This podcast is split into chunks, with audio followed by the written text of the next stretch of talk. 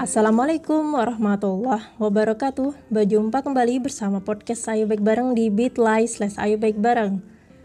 Seperti biasa Daily Insight hari ini Kita menemani di ruang dengar Bapak Ibu sahabat semuanya Di ruang virtual ini.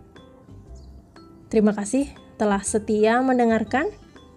Stay tune di Ayo Baik Bareng. Daily Insight hari ini judulnya adalah keanekaragaman paus. Hmm. Cobalah saudara download ya poster tentang aneka jenis paus di seluruh dunia. Tunjukkan kepada anak-anak di rumah atau sepupumu atau ponakanmu atau adik-adikmu. Ya, siapa saja. Tunjukkanlah kepada mereka. Insya Allah, mereka suka melihatnya. Mamalia laut ini ternyata mencapai 90 macam jenisnya. Banyak banget ya. Mulai dari yang terbesar sampai yang terkecil, kita bisa temukan pada gambar tersebut. Kalau lebih teliti, di tengah-tengah poster ada bayangan manusia juga. Fungsinya untuk memperkirakan besarnya paus-paus tersebut jika dibandingkan dengan tubuh kita.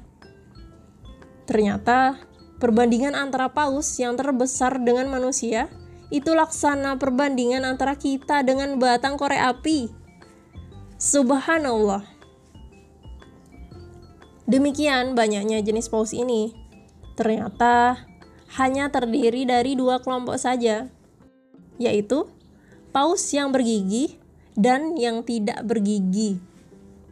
Hal ini menyebabkan perbedaan jenis makanan mereka juga. Paus bergigi mengkonsumsi ikan, cumi-cumi, bahkan lumba-lumba. Sementara yang tidak bergigi, mereka hanya makan plankton. Tahu plankton? Yaitu musuh bebuyutan dari SpongeBob ya. Dan udang-udang kecil atau krill. Namun, ada fakta menakjubkan di sini. Ternyata, paus terbesar di dunia justru berasal dari kelompok paus tidak bergigi Demikianlah kehendak Allah.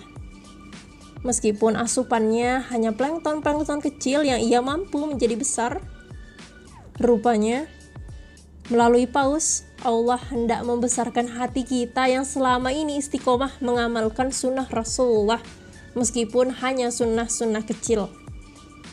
Dengan kehendak Allah, justru dari amalan kecil inilah yang menyebabkan pahala besar.